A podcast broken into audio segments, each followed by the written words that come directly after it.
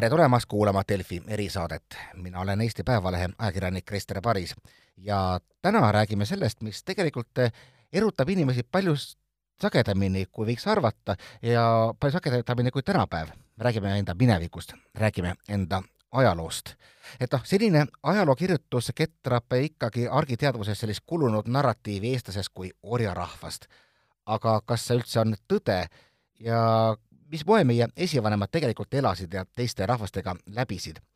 et kui jälgida kas või avalikkuseski lahti rullunud debatte, pole ju liialdus öelda, et oleme jõudnud oma rahvusliku identiteedi mõtestamisel täiesti uude ajajärku. vot umbes niimoodi kõlab sissejuhatus ajalookonverentsile, mis leiab kahekümne seitsmendal novembril aset algusega kell üksteist Teatrumi saalis siin Tallinnas ja ma palusin üle Skype'i liini osalema kolm konverentsil põnevate ettekannetega ülesastujat. üks neist on siis Tartu Ülikooli arheoloogiaprofessor Heiki Valk, teine on arheoloogiadoktor Mari, Marika Mägi ja ajaloodoktorant Kristjan Oad ja kui ma seda saadet, saate peale mõtlesin, siis mul tuli just meelde väga hiljuti loetud artikkel New York Timesist, mis rääkis antropoloog David Graeberist, kes muide on Occupy Wall Streeti eestvedaja ning tema kirjutab seal, ta kirjutab tegelikult oma raamatus, mis sai arvustatud, et kogu senine nii-öelda lugu ühiskondade kujunemisest on vale, kõik see, mida me läänemaailmas teame, kuni selleni välja, et äkki sai isegi Euroopa valgustusajastu alguse hoopiski eurooplaste vestlustest indiaanlastega kes näitasid kätte puudujäägid siinses ühiskonnakorralduses. ehk siis sellised metsikud mõtted, mis näitavad, et ajalugu pole teps mitte nii-öelda surnud teadus, vaid elab kõikjal väga huvitavat ajajärku läbi. ja minu meelest on sellised mõttekäigud hästi põnevad ja eriti põnevad rahva jaoks, kelle kohal ripub kogu aeg selline nagu rõhuv arusaam seitsmesaja aastasest orjaööst aga lähme siis vaatame teie ettekannete juurde, et meil on ka üldse ka ajakirjandusest vist kõige rohkem ilmselt tekitanud viimasel ajal vähemalt Päevalehes furoori Kristjan Oad, kelle kas või viimane lugu,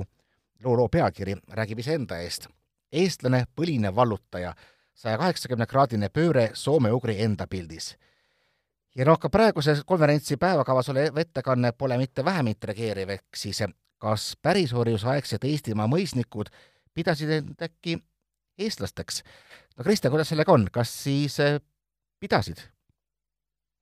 ja tervist ka minu poolt. Äh, no seda, mm, kelleks äh, Eesti mõisnikud või, või aadlikud on, on ennast pidanud läbi aja, et ma, ma selle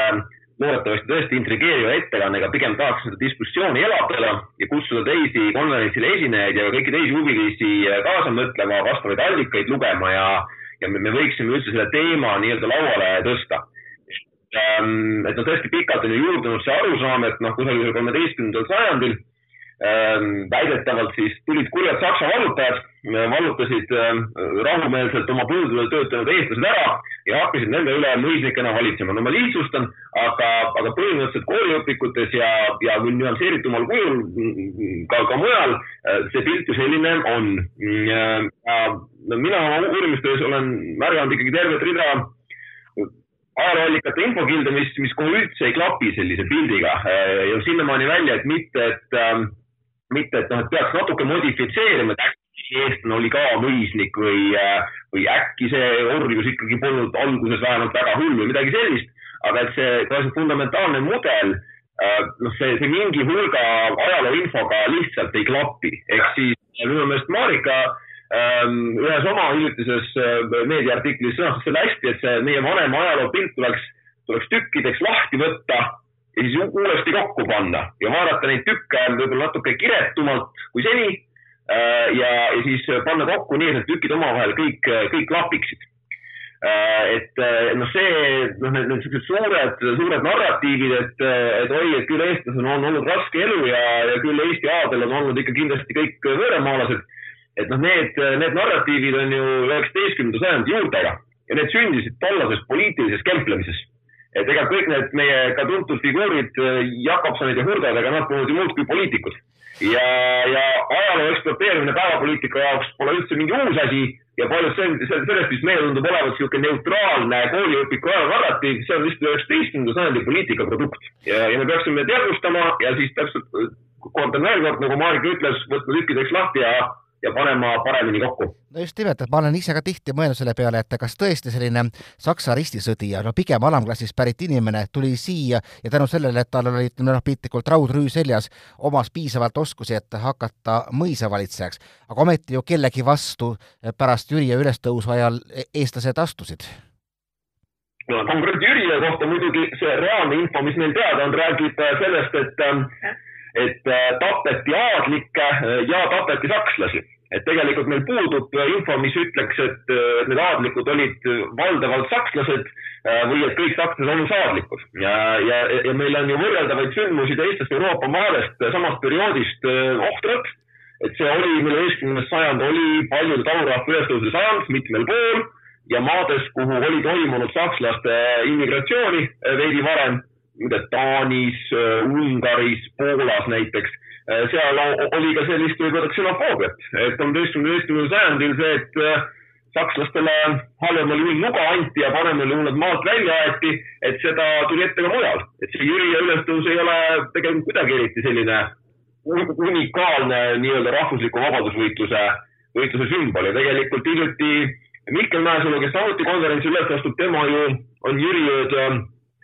teadusajakirjas Tuna päris kirjatult analüüsinud ja, ja muuhulgas ta toob välja seda, mis on tegelikult, tegelikult ajaloolastel juba ammu teada. et on selgelt teada, et, et siis mässajate poolel ka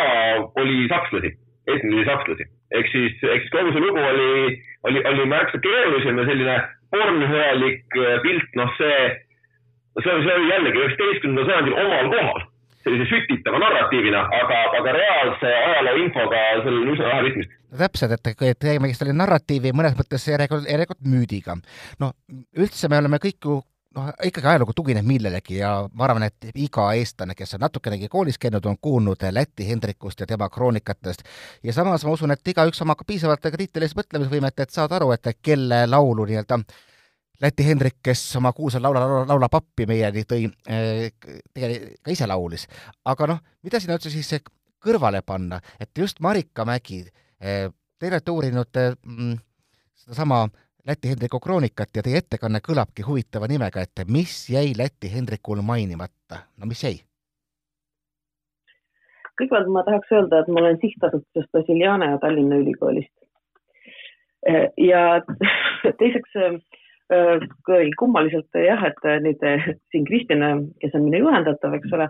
tema niimoodi lahkelt viitas mulle ja mina siis peaks siis viitama nüüd tagasi tegelikult Kristjanile, sest Kristjan tunneb Läti Henriku kroonikat ikkagi palju paremini kui mina.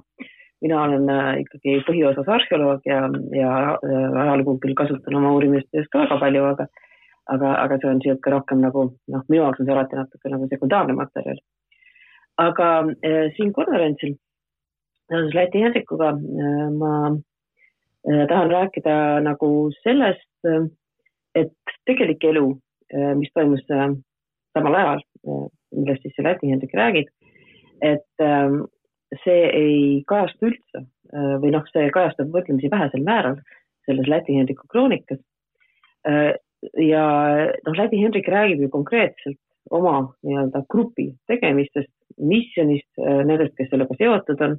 Äh, kõik sündmused, mis äh,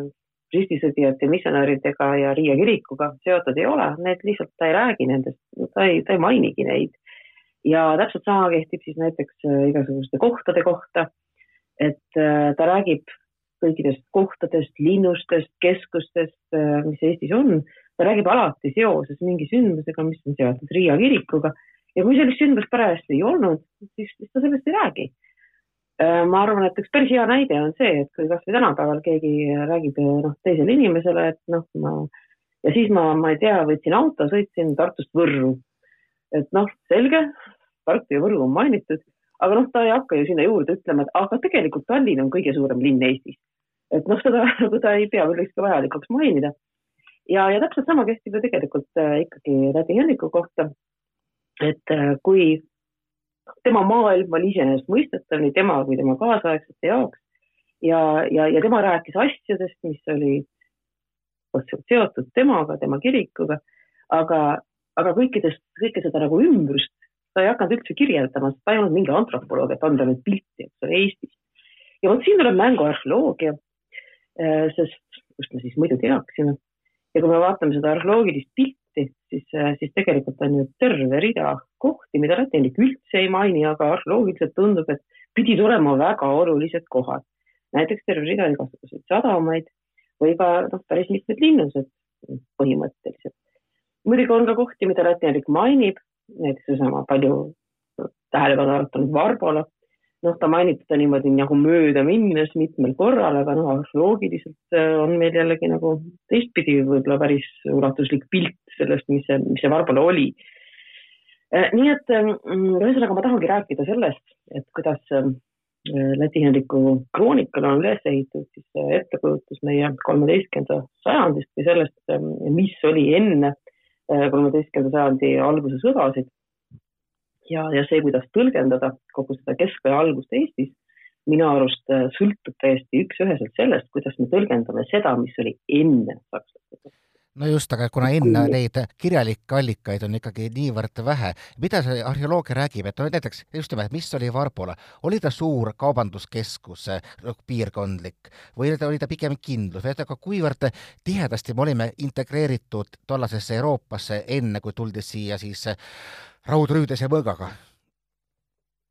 no ma ei tahaks nüüd Varbola teemat siin päris nagu et, hakata arutama, see läheks liiga pikaks ja võib-olla seda saab teha siis näiteks sellel konverentsil või sellel järgneval ümarlaual. see oli jah, selline piltlik, piltlik näide niimoodi aga noh, üldiselt ähm, äh, nii palju, kui mina arheoloogiliselt asja näen, et, et äh, nüüd äh, kuidagi niisugune nagu vaikimise eeldus, et ähm, mis on pikka aega, noh, mitte enam, aga pikka aega olnud, et kuidagi me olime eriliselt maha jäänud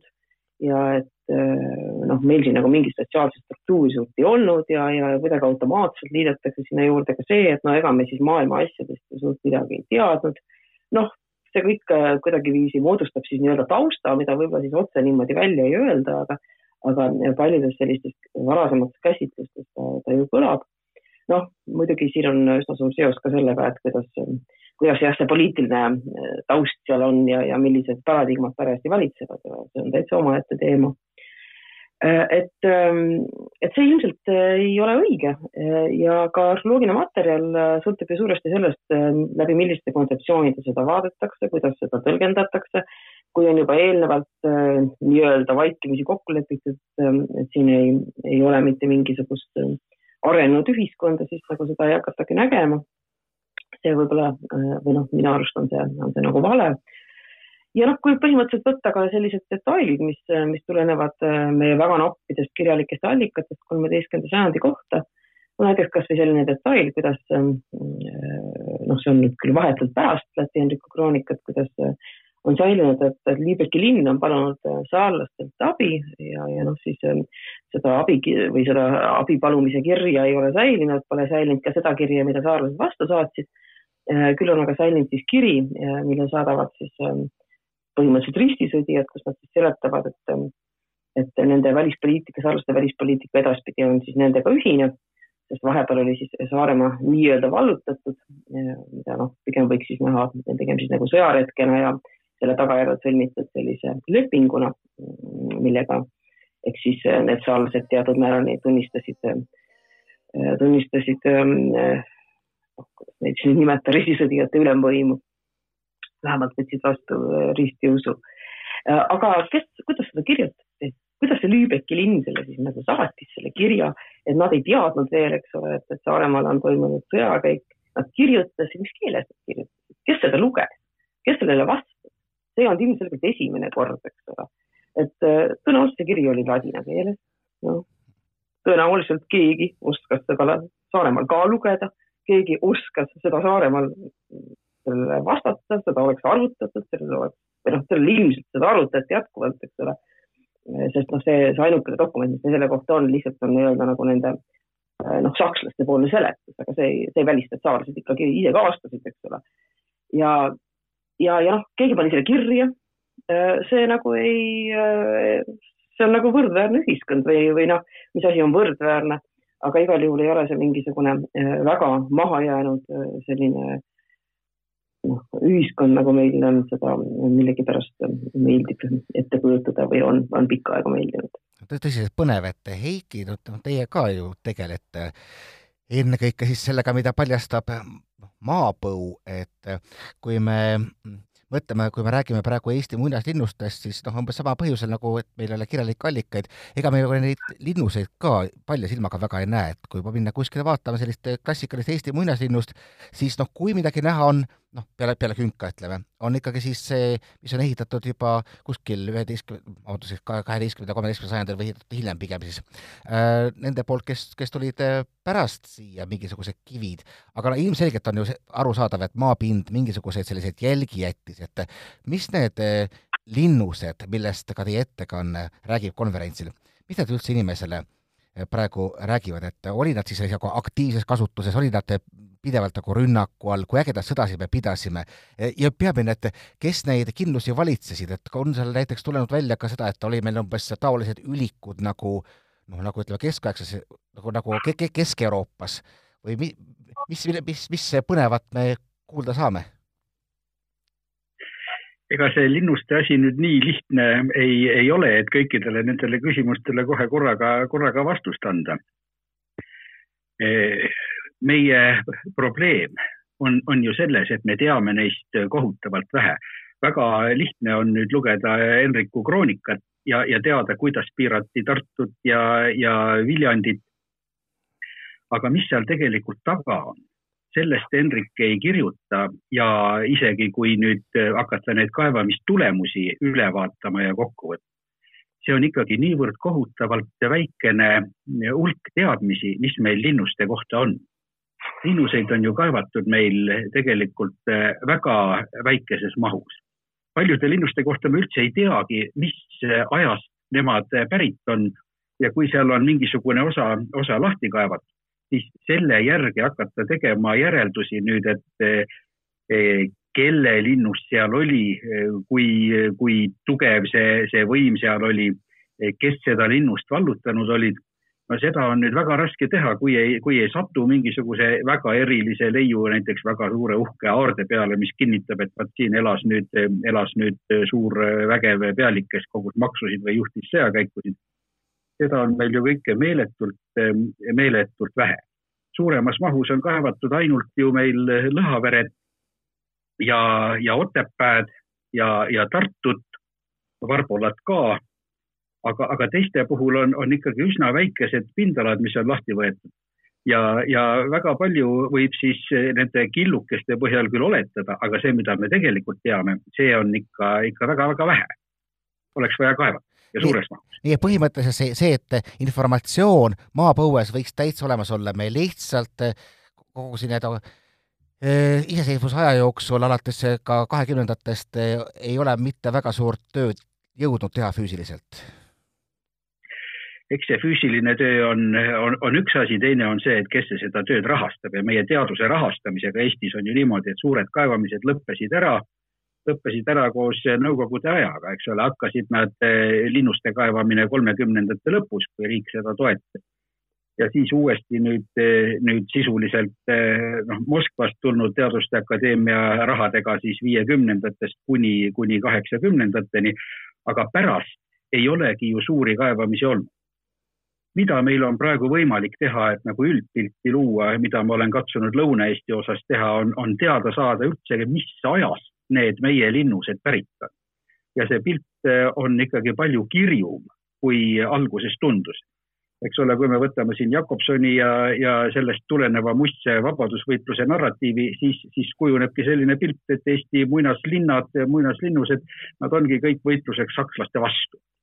aga tegelikult nad on väga erinevatest aegadest ja nende kasutuslugu on äh, väga erinev. osad on pikaajalised, aga enamik on hästi lühiajalised. ja nüüd, kui hakata selle ettekande juurde tulema, mida me nüüd Hendriku kroonika põhjal üldsegi ei teadnud, on see, et osad meie muinaslinnused, osad nendest, mis on kasutusel olnud siis äh, vallutusaegadel, ristisõdade aegadel, osad nendest on kasutusel olnud ka veel hiljem et see ei lõpe järsku ära. ja eh, teine üldisem asi, mis nüüd, mis nüüd välja koorub ka see, et need, need kasutusel olnud linnused, nad nagu teatud regiooniga seostuvad, see on just Põhja-Eesti regioon ja, ja, ja Saaremaa, no Läänemaa kohta me teame vähem. aga Lõuna-Eestist meil selliseid märke ei ole. no need on asjad, mida siis, mida siis tahaks selle ettekandega puudutada. No ma küsikski ühe sellise intrigeeriva küsimuse, kas nad võisid olla teiste, noh, nii-öelda Eesti hõimude vastu? ma arvan küll, küsimus on jällegi, eks ole, küsimus ei saa olla ajatu, küsimus peab olema ikkagi mingisuguses konkreetses ajas, et kas nad võisid olla muinasõja lõpul suunatud teiste Eesti hõimude vastu. No ma ei tea, mis asi on nüüd Eesti hõim, eks ole, kas see on sakalased, ugalased, need, need maakonna sidusad määratlused, aga, aga kui me need niimoodi, niimoodi võtame, siis siis eh, miks mitte, sest need omavahelised eh, vastuolud, mis tollases ühiskonnas olid, need on ju Hendriku kroonikasse ka ikkagi sisse kirjutatud piirkondade tasandil, kuidas, kuidas saarlased käisid eh, järvalasi karistamas, eks ole. Ei olnud siin ühtset vennameelt midagi, et, et las nad teevad, mis nad tahavad. No igal juhul teie kõige, kõigi kolme ja tegelikult ka ülejäänud konverentsil esinejate ettekanded tõotavad päris kõvasti kõigutada just nimelt kõike seda, mida me oleme äh, koolipõlves õppinud, aga arutaski selle üle, et mis te arvate, et no kui palju me tohime sellistele noh, spekulatsioonidele või kui, kui kaugele saavad sellised spekulatiivsed asjad väga väheste eh, infokildude põhjal, väga vähese reaalse materjali põhjal minna, et noh, kui ma mõtlen nagu tavainimese seisukohast, siis minu jaoks ajalugu on, on faktid, noh, see asi juhtus või siis ei juhtunud. no hea meel tõlgendused, et miks ta juhtus, mis on hoopiski vabam žanr. et kuivõrd meie praegu, kui me seda kõike uurime, tegeleme äkki sama viisil müütide loomisega, nagu siis needsamad üheksateistkümnenda sajandi Eesti ärkamisaja suurkujud, kellel on huvitavaid mõtteid ega me sellest võimalusest muidugi, muidugi priid ei ole, sest et see, mida me teame, võrreldes sellega, mida me ei tea ja mida me siis oma oletustega täidame, see on ikkagi täiesti, täiesti erinev, see meie teadmiste eh, hulk. Küsimus on selles, eks ole, et kui kategooriliselt me ühte või teist asja eh, väidame Jakobsonil oli täiesti kindel see, et on seitse aastat või seitsmesaja aastane orjaaeg olnud ja siin ei olnud mingit kahtlust ja, ja tollasesse meediasse ja tollasesse narratiivi see, see läks ja läks väga hästi peale. praegu me peaksime oma teadmiste seisuga olema, olema pigem ikkagi ettevaatlikud ja, ja ka enesekriitilised. kindlasti on igasuguste hüpoteeside väljakäimine väga hea, sest see paneb, see paneb mõtte liikuma, aga päris kindla tõena, lähtudes sellest, et meil on ju nii vähe seda autentset materjali, mis sellest ajast pärineb. pigem, pigem ma oleksin siin ettevaatlik saja aasta pärast, kui meil on tulnud uut arheoloogilist infot, võib-olla ime läbi ka mingisugune kirjalik killukene kusagilt juurde keegi leiab mingisugusest äh, arhiivist aga saja aasta pärast on meil, on meil siin see info, mille põhjal järeldusi teha, on, on kindlasti palju suurem no Kristjan, teie eri, eriti oma selliste äh, noh, meediasse jõudnud äh, uhkete pealkirjadega olete võib-olla kõige rohkem sellist furoori tekitanud, et äh, tunnetate vastutust, et äkki inimesed hakkavad vääriti mõistma ajalugu? Ma tahtsin öelda, et see, ma, Heiki väga võttis mitmed sõnad mul, mul suust, mis ma tahtsin ka öelda, ütles neid palju, palju paremini, kui ma oleksin ise öelnud. et ähm, ma täiendaksin nii, nii palju, et ähm, kuidas öelda, et, et need narratiivid, mis on juurdunud äh, kooliõpikutes ja, ja kultuuris üldiselt ja millest me räägime kindlas kõneviisis, et need ju tuginevad veel vähemal infol, kui meil on täna. Äh, see, et saja aasta pärast on infot rohkem, kahtlemata, aga meil on täna rohkem infot, kui oli viiskümmend või sada või sada viiskümmend aastat tagasi ehk siis kui on ähm, noh, tänaseks juba, juba ammu meie seast lahkunud varasemad uurijad või ka lihtsalt ideoloogid või poliitikud on deklareerinud julgelt kindlas kõneviisis, oli vot nii. ja see on meil kooliõpikus ja see on juba, juba nii-öelda settinud selleks, mis, mida näiteks äh, ajalooline kodanik Paris äh, tajub faktina äh,. siis kui meie ütleme, et ähm, no oletamisi võiks arvata, et äkki võis olla ka niimoodi, siis ähm, adressaadile võib jääda mulje, et üks on fakt ja teine on oletus. kuigi tegelikult see, mis on fakt, see on just omaaegne oletus, mida esitati suure uljuse ja, ja nahaalsusega võib-olla. et, et ma arvan, et me, me nagu peame kogu aeg teadvustama kõike seda, mida Heiki praegu väga hästi kilbile tõstis. aga, aga kui noh, ma kuidagi nüüd nagu piltlikult ütlen, et kui, kui, kui, kui sada aastat tagasi keegi maalis mingi pildi, tuginedes kolmele infokillule ja kindlas kõneviis väitis, et vanasti oli niimoodi. ja kui nüüd mina äh, hõlman need kolm infokildu äh, ja leian juurde veel kaks infokildu, mul on juba tervelt viis infokildu, mis on selle ajastu puhul juba suur asi siis ma arvan küll, et ma, ma peaksin ikkagi pigem nagu ähm, nagu konkreetselt ütlema, et, et alternatiivne ja minu hinnangul paremini põhjendatud ettekujutus on hoopis selline äh,. sest et äh, ikkagi uued ja, ja teaduslikult paremini fundeeritud ettekujutused ikkagi peaksid konkurentsi pakkuma, mitte jääma selliseks noh, oletus ja võib-olla ja äh, sest et noh, mingisugused narratiivid on juurdunud ja, ja, ja, ja kui paremini põhjendatud narratiivid no ikkagi mingil määral jõuliselt nagu, nagu nende kõrvale või ka nende asemele ei tule, noh siis õpikusse jääbki ka saja aasta pärast ikka see vana üheksateistkümnenda sajandi narratiiv ja, ja see ei ole ka puhtalt teaduskommunikatsiooni mõttes, see ei ole ju õige, et noh, miks me siis üldse seda uurimistööd teeme, kui väljapoole teadlaste ringi see, see, see, see väga ei jõua. et ma eh, julgen küll väita, et, et ma ei ole ei oma teadustöös ega ka oma, oma, oma rahvalikumates tekstides midagi väitnud, mida ma ei, ma ei suuda teaduslikult põhistada ja, ja, ja kui ma olen oponeerinud äh, mingisuguste vanemate ettekujutustega, siis äh,, siis ma tõesti julgen öelda, et ma ütlen, et, et minu nagu see tõenduslik baas on vähemalt sama hea, kui mitte parem, kui, kui, kui nendel, nendel äh, vanadel piltidel äh,. aga seda küll, et ilmselt tulenevalt lihtsalt minu enda natuurist ma olen seda teinud päris äh, julgelt ja ettevõtlikult, sest et noh, keegi ju peab, et ja kes siis veel, kui, kui mitte üks noor ja uljas doktorant. ja siis, äh, ja siis kellel on tarvis, saavad siis, saavad siis minuga vaielda ja, ja mind kiruda, kui vaja, aga vähemalt teadus liigub edasi. ma olen täiesti nõus, et just nimelt taolised avaldused on hästi-hästi-hästi tähtsad, hästi tähtsad selleks, et tekitada uuesti või, või taas või kütta huvi ajaloo vastu, aga Marika, vabandust, ma segasin vahele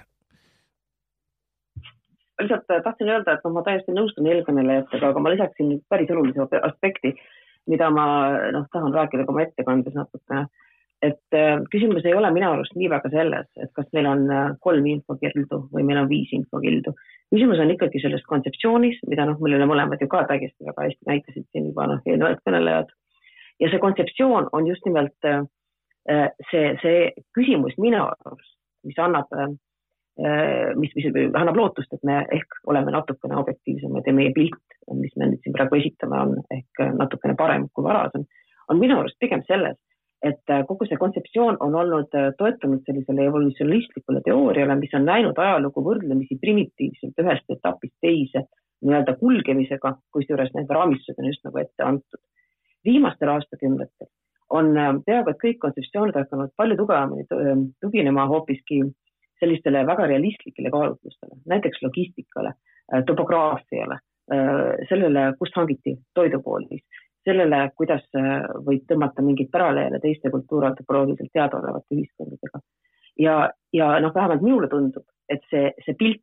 mida praegu üritatakse anda mitte ainult meil, vaid ka mujal, et selle, selle eripära varasemast ongi just see, et püüa, püütakse just nagu reaalselt ka ette kujutada seda maailma püütakse panna see, see arheoloogiline või ajalooline allik-, äh, andmekillukene äh, nii-öelda reaalsesse raamistikku ja, ja näha seda, kuidas ta reaalselt toimida võib, mida tegelikult varem väga sageli ei tehtud, selles mõttes, et, et lähtuti lihtsalt ideoloogiliselt ette antud raamidest, vot see ühiskond on sellises arengujärgus ja noh, rohkem nagu ei mõeldudki, eks ole. et ähm, see on nii-öelda kokkuvõte siis meeste jutule need teemad on nii tohutult põnevad, et need saab konverentsil, ma arvan, et sellest konverentsist jääb ka väheseks, et nendest kõigest rääkida, aga mina võtaks kokku enda saate siis sellise intrigeeriva küsimusega, et just nimelt, et kui oli juttu, et no et ei, ei, on raske rääkida, missugune see ühiskond oli, kui palju me üldse saame A Eestis rääkida sellisest ühtsest ühiskonnast, siin oli juba juttu, et, et oh, et saarlased käisid mandri peal karistamas ja, ja kui palju ikka siis võib-olla sakalastel ja ugandalastel ühist oli, aga veelgi enam, et palju nendel inimestel, kes äh, tookord äh,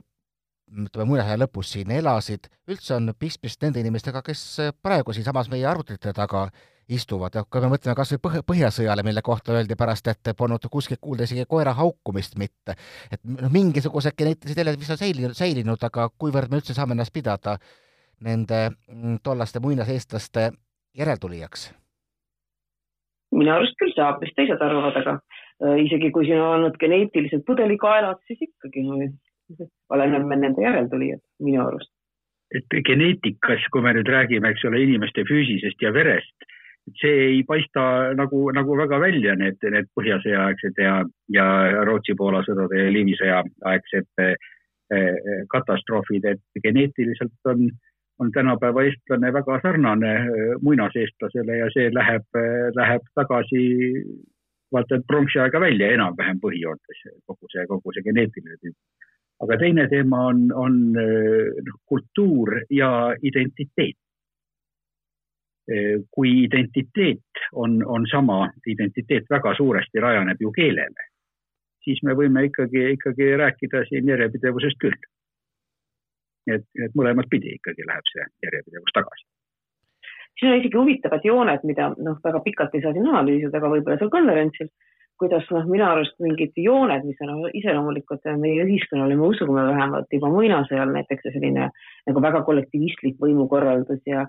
ja, ja, ja, ja mingid, ütleme nagu kultuuripiirkonnad Eesti-sisesed, need on siiamaani alles, need ei ole kuskile kadunud, need on kogu aeg olnud et me ei saa võtta Eestit kui, kui ühte kaardile maalitud ükskõik mis värvi larakat, millel on siis kindlad piirid ümber. aga minu nägemuses, noh, mida, mida ajas tagasi, seda rohkem on see üks võrgustik, võrgustik, millel ei olegi kindlat äärt ega piiri, ka poliitilise piiri, ka kui hakata nüüd võrdlema. et see võrgustik on, on selline paisuvate ja, ja taganevate keskustega ja ta on pidevalt, on ta, on ta ajas eh, muutunud.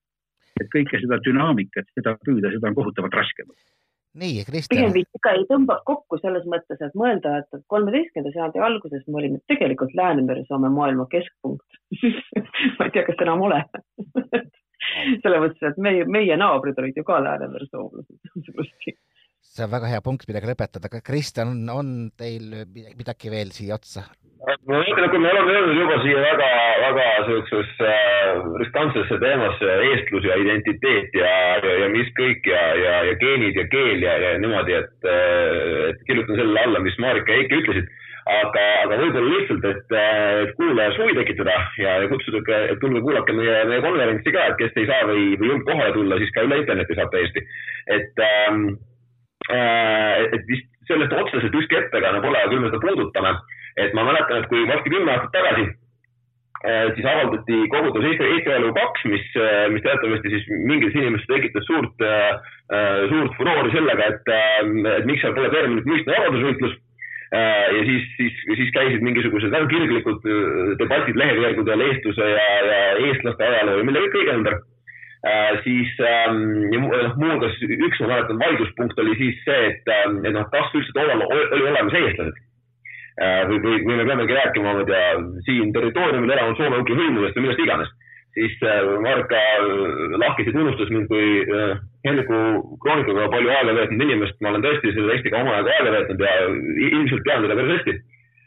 siis ähm, mina ei, saa kuidagi nõustuda selle, sellise mm, seisukohaga, mis, mis tegelikult siin ka teaduskirjanduses kumab läbi mõnikord, et, et noh, et noh, et eestlastest, no me ikka ei saa rääkida eestlastest, et noh, et Eesti ala elanikud või, või, või midagi sellist. et tegelikult äh, nagu fakt on see, et Henrikus ja ka teistes allikates inimesed, kes elasid umbes täpselt sellel territooriumil, mis täna on Eesti Vabariik, noh, see, ütleme, see, see piir oli jah, niisugune hajus, nagu, nagu Heiki ütles aga nagu, nagu laias laastus umbes sama ala, et need inimesed olid kõik ladina keeli Estonias. Ehk eestlased. ja, ja, ja minu jaoks väga huvitav teaduslik uurimisküsimus on see, et ju tõepoolest saarlane ja ugalane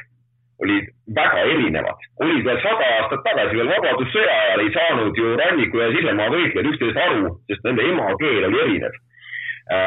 ja rääkimata siis muinasajast, kus, kus nagu Marika ja Heiki teadustöö on ka näidanud, matmiskombed erinesid. Ehm, pühapaikade nimed erinesid, ehm, materiaalne kultuur erines. see oli nagu kaks tõesti nagu väga erinevat piirkonda, aga ometi nagu, nagu midagi nagu, nagu ühist oli. et kui selle küsimus nendest linnustest, siis ja et noh, kas need võisid siis olla nii-öelda eestlaste omavaheliste mingite konfliktide jälg et see, et on sellised kindlustatud tugipunktid meil siin maastikul tänaseni mingil määral äratuntavad. et noh, kas eestlased omavahel sõdisid, no ilmselt küll, et kõik muud inimesed igal pool sõdisid omavahel hoolimata emakeelest, et küllap see eestlased ka. ja, ja üldse ei saa ju ka välistada, et ähm,, et noh, sellised võrgustikud, mis Eesti ala katsid ja mis lõid mingisuguseid identiteete, et need võisid olla ka sellised nagu võimuvõrgustikud, enne kui nad olid hõimuvõrgustikud. ehk siis, kui me räägime poliitilisest struktuuridest kaugemas minevikus, meil on üheksateistkümnenda sajandi rahvusromantiline ettekujutus, et tulid siis eestlased vennalikult rahvakoosolekule kokku ja otsustasid midagi, no umbes nagu Maleva filmis on ju aga, aga, aga jällegi noh, resoneerub selle, mis Marika ütles, et, et noh, et üritas nüüd päriselus ette kujutada ja, ja vaadates teiste maade analoogiaid, siis kui, kui võimuviha kipub olema üldinimlik omadus, et me ei tohiks arvata, et muinas-Eestis seda ei tuntud. Ehk siis, ehk siis on ka võimalik, et meil olid siin oma väiksed diktaatorid või, või, või sellised noh, võimuahned pealikud, kes võisid mingil perioodil endale allutada päris suuri alasid, loomulikult siis teised hakkasid neile vastu, nagu see igal pool käis. Et selline, selline mitte üldse selline rahvusromantiline ja roosiline pilt muinasajast on võib-olla ka miski, millega on peale leppima et mõningaid selliseid äh, motiive ma, ma olen ka mõnes oma artiklis üritanud populariseerida, et teaduskirjanduses need, need ei ole enam uudised. Nende üle siin ka murti piike siis, kui mina olin alles väike poiss üheksakümnendate alguses uurijad omavahel, omavahel vaidlesid lehekülgedel. aga tänaseks juba, juba ikkagi teadlaskond nendib, et, et käisid sellised sõjapealike ja muude poliitikute võimumängud ka mujal Eestis, aga võib-olla noh, laiem huviliste ring polegi teadvustanud, et ei olnud siin selline idüll. et see varem selline troonide mängulik äh, jõupoliitika on Eestis äh, toimunud, noh, ma ei tea, äh, siin staažikumad uurijad äkki korrigeerivad, mina ütleks küll, et paar tuhat aastat ei ole palju öeldud niimoodi, teate, ma võiksin teid kuulama jäädagi ja ma arvan, arvan, et ka meie podcasti kuulaja võiks teid kuulama jääda. aga kui podcasti kuulajad tahavad teid rohkem kuulata, siis juba järgmisel laupäeval, kordan üle, kell üksteist Teater saalis ja nagu mainiti, saab ka vaadata ka üle interneti. igal juhul suur aitäh kolmele osalisele, siis Heiki Valk, kes on Tartu Ülikooli arheoloogiaprofessor, Marika Mägi, siis täpsustame veel, veel kord üle, et sihtasutuse Osseliane juht ja Kristjan Oat on Tallinna Ülikooli ajaloodoktorant. Ja mina olen Krister Paris, Eesti Päevalehe ajakirjanik, mina kutsun teid kuulama enda järgmisi erisaateid, aga seda ajalookonverentsi soovitan kindlasti kuulama minna, aitäh teile!